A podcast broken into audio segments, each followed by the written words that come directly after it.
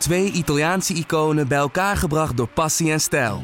Peroni Nastro Azzurro 0.0 is de trotse nieuwe teampartner van Scuderia Ferrari. Doe mee met ons en de meest gepassioneerde fans op het circuit, de Tifosi. Samen volgen we het raceseizoen van 2024. Salute, Tifosi! Welkom bij deze vijfde Formule 1 special, deze podcast van nu.nl, waarin we het gaan hebben over de Grand Prix van Spanje. Alweer de vijfde race van dit seizoen. Vanuit Barcelona, Joost Nederpelt aan de telefoon. En mijn naam is Julian Dom. Goedemiddag, ochtend of avond, wanneer je dit ook luistert. Joost, meteen een podiumplek voor Max Verstappen, derde plaats. En dat was toch eventjes broodnodig. Ja, zeker weten. Verstappen zat toch een beetje in een uh, negatieve spiraal uh, sinds het begin van dit seizoen, 2018. En uh, je proeft ook wel uh, onder het journaille in Barcelona dat er, ja, er werd toch wel met een, met een ja, vergrootglas naar Verstappen gekeken. Hoe, hoe zou die nu gaan presteren? Ja. Zou die weer tegen iemand aanrijden? Dat soort dingen allemaal. ja, je, je, merkt ook wel een beetje cynisme rondom Verstappen. Dat merk je bijvoorbeeld afgelopen vrijdag. Dat, uh, toen, toen, was er een moment dat, dat Daniel Ricciardo, de teamgenoot van Verstappen, in het grindbak inging en tegen de muur aan knalde.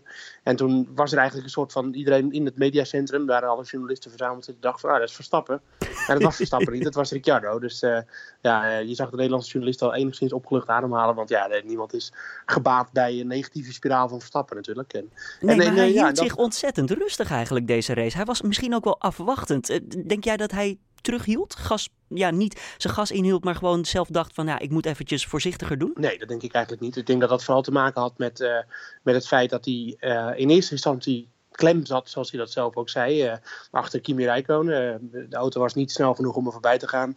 En inhalen is ook gewoon heel erg moeilijk op, uh, op het circuit de Catalunya. Um, dus het was eigenlijk wachten tot Räikkönen voor hem weg zou vallen. Nou, dat gebeurde uiteindelijk ook. En dat, dat leverde ook dat moment op dat, dat Ricciardo achter hem zat en, en over de boordradio zat te hinten van ik ben sneller en ja, eigenlijk laat me er voorbij. Um, dus, uh, maar daarna ja, was het eigenlijk voor, was Rijkonen weg en waren Bottas uh, en Vettel en, en, en, Hamilton al te ver weggelopen om, ja, om nog enige rol van betekenis te kunnen spelen. Uh, totdat uh, Ferrari uiteindelijk wel echt heel hoge bandenslijtage bleek te hebben en, Vettel nog een tweede pitstop moest maken. En dat was eigenlijk ja, het gelukje voor Red Bull. Maar ja, het heeft dit seizoen ook al best wel veel tegengezeten. Dus nu sloeg de balans een keer de andere kant uit. En dat leverde Verstappen een vrije podiumplaats op. Dus ja, wel brood nodig in de zin van, van de negatieve spiraal doorbreken. En ja, verder kijken wat, van, wat, wat er vanaf nu gaat gebeuren. Het, het, het podium iets in zicht voor Red Bull. En dan moeten ze gewoon proberen zoveel mogelijk op terecht te komen natuurlijk. Ja, we moeten het ook nog eventjes hebben over die voorvleugel van Max Verstappen. Want na de virtual safety car, toen uh, reed hij opeens weg. Maar ja, hij tikte net dat stukje aan, uit mijn hoofd, zijn linker voorvleugel eraf. Uiteindelijk merkten ja. we daar niks van, want hij bleef gewoon netjes op de baan, tijden knallen als mallen. Make a picture on the straight. Yeah, we've got it already, we've seen it. You've got in-play damage. Structurally, the wing is fine. So as long as you're happy with the balance, all good. Okay, he's going to get away with it. Fortunately for him, the piece has obviously come off. There it goes. Ja, dat was een, uh, was een opmerkelijk moment eigenlijk. Uh, het, het, was op het moment dat de virtual safety car afgelopen was. En uh, ja, het leek er eigenlijk op alsof Stroll, want Lance Stroll was het in de Williams, um, iets minder op zat te letten als Verstappen. En Verstappen ging eerder op het gas. En ja, die Verstappen zei, ja, voor mijn gevoel remde Stroll ook een beetje. En daar had Verstappen duidelijk niet op gerekend. En, en toen, toen kon hij er niet meer omheen. En raakte hij hem net uh, het, het rechterachterwiel van Stroll. Ja. Um, en ja, Verstappen had er uiteindelijk wel last van, zei hij. Want hij, hij had toch wel wat, wat minder downforce uh, over de hele auto heen. En, en, maar dat kon hij rechtzetten door het differentieel iets anders in te stellen. Nou, dat is allemaal een technische praat, maar laten we daar vooral niet te veel op ingaan. Maar, maar hij, hij had wel echt wat, wat onderstuur in uh, hoge snelheidsbochten. Alleen ja, hij had de mazzel dat, dat, dat Vettel zoveel problemen had met zijn banden dat hij, dat hij eigenlijk niet meer aan kon vallen toen hij achter Verstappen terecht kwam. En, en, en de tijden bleven gewoon stabiel. Ja, kijk, je, Zou die dus met die voorvleugel kan... nog Bottas gepakt kunnen hebben, denk je? Nee, dat denk ik niet. Want uh, ja, het was echt zo dat, dat Bottas tot het uiterste ging op zijn, uh, op zijn set uh, mediumbanden. Want dat was al een hele lange stint.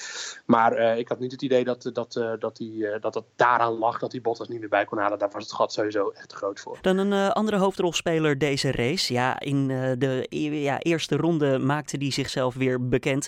Grosjean. Ja, Romain, Romain Grosjean is ja, ik zeg wel eens gekscherend als hij weer langs de baan gaat. Want dat gebeurde dit weekend meerdere malen in de vrije trainingen. en ook in de kwalificatie volgens mij nog een keer.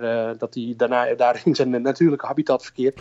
en, en dat, dat, ja, Grosjean is gewoon een, een coureur die, die veel fouten maakt. En hij is echt ervaren, want hij rijdt eigenlijk al Formule 1 sinds 2009. Waar ligt dat dan aan? Want dat, dit kan toch niet keer op keer gebeuren? Dat kost miljoenen.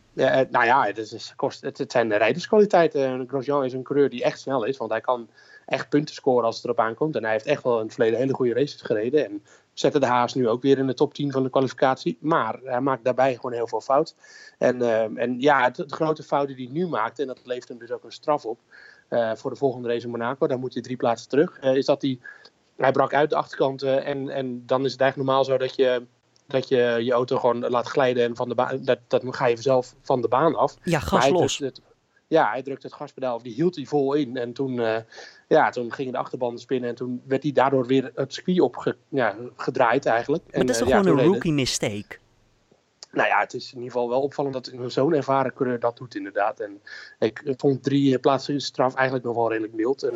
Oh mate, I'm sorry. I'm sorry. Yep. Are you okay man? Yeah, I'm okay. I was, uh, I tried the outside, Kevin lost it a bit and then I got the, that, yeah, that's it. Ik denk dat de jongens die tegen hem aanreden, Hoekenberg uh, en zo, dat die daar... Uh, ja, die, vonden het, uh, die waren er niet blij mee. En Hoekenberg, die, zijn commentaren waren ook niet mals na afloop. Die zei van, het is prima als Grosjean elke keer wil spinnen, maar doe dat dan zo dat ik er niet tegenaan rijd.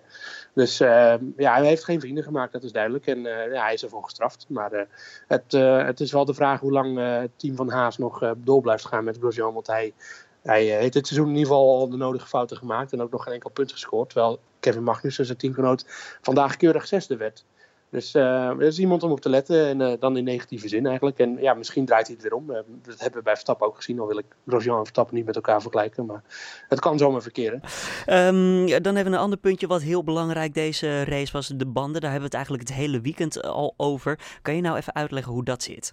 Nou, er waren eigenlijk twee verhalen met de banden. En ik zal het proberen zo simpel mogelijk uit te leggen. Um, het ene verhaal is het verschil in compounds, de, de, de hardheid van de banden. Nou, zoals de vaste Formule 1 volgers weten, zijn er, uh, is er een hele reeks uh, banden uh, die Pirelli heeft. En ze nemen er altijd drie mee naar het circuit.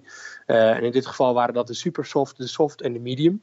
Um, en er zijn in totaal, um, even uit mijn hoofd, zeven verschillende banden. Um, en het, en uh, ja, wat, de, wat de coureurs eigenlijk vinden, en dat, daar werd door alle coureurs unaniem eigenlijk wel hetzelfde over gezegd, is: zorg nou dat, die, dat er een stap tussen zit. Dus dat je niet de super soft, de soft en de medium meeneemt, maar dat je bijvoorbeeld de ultra soft, de medium uh, en de soft, of in ieder geval dat er, dat er ergens een gat tussen zit. Dat er een, een band groter tussen verschil die... tussen de bandentypes. Ja, en, en daarmee krijg je dus in ieder geval, denken de coureurs, en, en dat denk ik eigenlijk ook, dat, dat je daarmee spannende races krijgt, omdat de verschillen tussen twee banden heel, heel groot zijn. En ja, zoals de, de regel voorschrijft, moet je allebei, of in ieder geval twee van de drie banden in de race gebruikt hebben. Als jij dat denkt, want jij hebt kennis van zaken, als de coureurs dat denken, die hebben helemaal kennis van zaken, waarom denkt Pirelli dat niet? Ja, dat is een hele goede vraag. Waarom Pirelli dat En ze hebben het ook al een keer gedaan dit seizoen. Uh, dat er een, dat er een, uh, een compound tussenuit was. Dus het, het, is, ja... Ja, waar was dat dan? Dat we er een uh, compound tussen hadden zitten? Ja, dat was in China. Daar was namelijk de soft, de, de medium en de ultra soft mee. Uh, dus was de super soft was er tussenuit. Merkten we daar dan ook daadwerkelijk wat van? Ja, dat was in ieder geval, de, de, het was in ieder geval duidelijk in de kwalificatie. En dat is ook een, een tweede deel uh, wat je daarmee, uh, wat je daarmee bereikt. Is dat, en dat werd, dat werd gisteren werd dat gezegd door Ricciardo. Uh, die zei van ja, het is in ieder geval zo dat de coureurs die dan uh, die, van de topteams, die kunnen nu heel makkelijk één compound harder kwalificeren. En dan halen ze daarmee halen ze de top 10 makkelijk. En dan zijn ze, hebben zij eigenlijk al de betere band voor de race.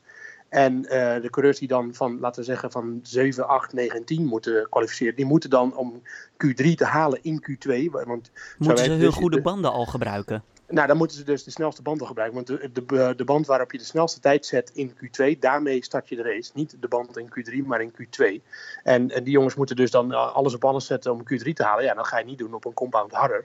Uh, dus sta je uh, 6 of 7, 8, 9 of 10 op de startgrid. En dan staan de mensen die voor jou starten, staan eigenlijk al op een betere band dan jij. En dan, dat geeft nog weer een nadeel voor, voor de teams die de topteams willen bedreigen. Dus dat is in ieder geval een voordeel wat je daarmee bewerkstelligt. Dus, nou, maar er was over gepraat met Pirelli. En ik denk dat Pirelli daar wel oren naar heeft. En dat we dat dit seizoen nog een paar keer gaan zien. Dus het, dat is niet onbeantwoord gebleven, in ieder geval die, die suggestie van de coureurs. En die keuze ligt ook helemaal bij Pirelli? Ja, Pirelli bepaalt zelf welke banden er meegaan. Dat, dat, ja. Een ander punt, zei je? Ja, het andere punt wat, wat er toe doet, is dat ehm, er ligt nieuw asfalt op het circuit de Catalunya. Dat lag er trouwens tijdens de wintertest ook al. En in de wintertest hadden veel teams, alle teams volgens Mercedes, hadden last van blaren. Um, dat, dat zei Toto Wolf in ieder geval zaterdagmiddag. Um, en uh, op de banden, dat is een, uh, ja, dat er een soort van gat in het uh, oppervlak ontstaat. Ja, en daarom heeft Pirelli toen besloten om voor de banden, de circuits dit seizoen waar nieuw asfalt op ligt. En dat zijn naast ehm, Barcelona zijn dat Silverstone en Paul Ricard, de Grand Prix van Frankrijk, die dit jaar op, het, uh, op de kalender debuteert weer. Um, om daar dan 0, 4 mm van, de, van het rijvlak af te halen. Dus dat is de, ja, zeg maar het gedeelte waar ze echt letterlijk op rijden. Dat is 4 mm dunner. Niet in de breedte, maar qua hoogte van de band eigenlijk. Ja, ik hoop dat, dat het dan duidelijk is. Um, omdat de band dan wat sneller af kan koelen en je dus minder snel last hebt van blaarvorming. Nou, Red Bull en Ferrari vooral, die vinden weer dat dat uh, Mercedes in de kaart speelt. En dat dat ook vooral bij Mercedes vandaan kwam waarom Pirelli dat gedaan heeft. En nou, het was in ieder geval overduidelijk dat, dat Mercedes er inderdaad heel erg blij mee was. Maar uh, suggestie dat, dat Pirelli dat gedaan heeft om Mercedes te helpen, die werden door, door Toto Wolff, de teambaas van Mercedes en ook uh, Hamilton, ja, wel eigenlijk een beetje lachend van de hand gewezen. En Um, Toto Wolf koos zelfs uh, de Engelse term bollocks. Maar Oftewel, als je, als je 4 mm ervan afhaalt, hè, omdat het blijkbaar ja. beter is tegen blaarvorming, waarom zit die 4 mm ja. er dan sowieso op? Ja, maar die band is gewoon ontworpen zoals die is. En uh, het, het, was eigenlijk, het is nergens een probleem. Het is alleen een probleem op banen waar een nieuw asfalt lag. Dat denkt Pirelli in ieder geval. En inderdaad, in Barcelona dit weekend was er geen last van blaar, blaarvorming. Dus, dus uh, ja, dan in dat opzicht operatie geslaagd. Maar die banden die, die hebben ze niet nodig in Monaco volgende week. En dan, dan kunnen ze gewoon de oorspronkelijke Pirelli-banden die voor 2018 bedoeld zijn gebruiken. En dat brengt weer het punt dat Ferrari denkt dat ze in Monaco wel weer gewoon gaan presteren. Want zonder het te zeggen, eh, zei Ferrari eigenlijk wel dat het mede dat ze wel het vermoeden hebben dat het daaraan lag dat ze zo'n hoge bandenslijtage hadden. En ook dat het daaraan lag dat Mercedes in ene zo'n sprong voorwaarts heeft gemaakt. Dus uh, daar wordt vervolgd eigenlijk wel die discussie. En dat is interessant om te volgen. Dus er was veel geklaagd dit weekend van coureurs van teams. En dat ging eigenlijk alleen maar over de banden.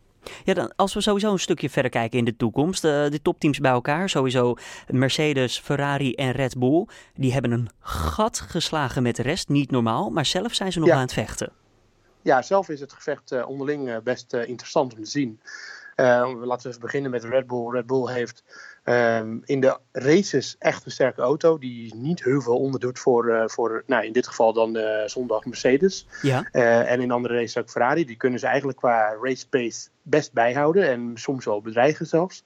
het probleem van Red Bull zit hem gewoon in de kwalificatie. En ja, dat is al veel benoemd, de Renault motor. En de speciale motorstanden die Ferrari en Mercedes wel tot hun beschikking hebben, die hebben, die hebben Red Bull heeft dat gewoon niet. Maar nou, dat is vooral dan lange vlakke stukken, toch? Gewoon als er veel bochten in zitten, dan, hoeft die, dan redt hij niet die toppower of wel? Nee, dan heb je die niet nodig. En, en daar snakt, ja, snakte Verstappen. Die, je kijkt dan bijvoorbeeld heel erg uit naar de volgende race in Monaco. Waar je natuurlijk veel minder, komt het veel meer aan, de motor, minder aan op motorvermogen. En veel meer aan op uh, grip in de langzame bochten. En die heeft de Red Bull ja, ten overvloede. Um, dus uh, dat worden interessante races. Voor de, over twee weken de Grand Prix van Monaco wordt voor Red Bull heel interessant. Uh, ook voor Ferrari, want die, was, uh, die waren vorig jaar ook heel erg sterk in, in Monaco. Die werd de race ook gewonnen door Vettel. Ja. Um, Ferrari was heel erg snel. Tot, tot en met, oh ja, tot en met de, de, afgelopen race in Azerbeidzjan hadden ze eigenlijk de snelste auto. Als ik dan Australië er weer even afhaal, want daar was Mercedes weer sneller. En nu kwamen we in Barcelona aan en Ferrari is op geen moment de snelste geweest. En Mercedes, ja of dat dan komt door de updates of dat komt door de banden. Het komt ergens door, maar uh, misschien past deze karakteristiek van de baan gewoon veel beter bij Mercedes. Ja, en dat kwam in uh, ieder geval waren... niet door de nieuwe spiegeltjes van Ferrari met hun uh, aerodynamische bovenvleugeltjes. Nee, maar die spiegels zijn volgens Vettel alleen omdat hij er dan beter mee naar achter kan kijken. Dat ja, heeft ja. helemaal, helemaal geen aerodynamische betekenis. En die vleugels die er ook boven zitten, die waren volgens Ferrari om de spiegel beter te kunnen monteren. Dat had helemaal geen aerodynamische... Ze zeiden nog net niet, het is decoratief. nou, dat, daar kwam het eigenlijk op neer. Dus, uh, ja. Maar dat is leuk. En dat is niet alleen Ferrari hoor, die zo praat. Dat, dat andere teams doen dat ook. Maar in dit geval uh, was het grappig om Ferrari zich zo met hand en tand te zien verdedigen tegen die, die spiegels. Maar de spiegels zelf kunnen blijven zitten. Alleen die vleugeltjes die erboven zitten, die moeten vanaf Monaco weer weg zijn. Dus ik ben benieuwd wat Ferrari gaat doen. Mercedes in um, Monaco, want de Mercedes die doet het niet zo goed in verkeer natuurlijk. Niet, niet in druk verkeer. En ook niet, ja, die moeten het niet hebben van, het, uh, van de langzame bochten. En die waren vandaag of zondag waren die in de, in de, in de, de derde sector van, uh, van het circuit van Barcelona. Wat heel bochtig is, waren ze ook niet de snelste. Dat, daar was Red Bull en Ferrari waren daar beter in. Dus uh, ja, ik denk dat Monaco door Mercedes liever overgeslagen wordt. Um, dus dat, dat wordt interessant om te zien. En ik verwacht eigenlijk dat, dat Red Bull en Ferrari zeker terug zullen slaan richting Mercedes in Monaco. Maar ja, wat er daarna gaat gebeuren, het is eigenlijk gewoon een groot vraagteken dit seizoen. En dat, dat maakt het eigenlijk alleen maar leuk. Nu was Mercedes heel erg sterk. Zeg dat wat voor de rest van het seizoen niet heel veel.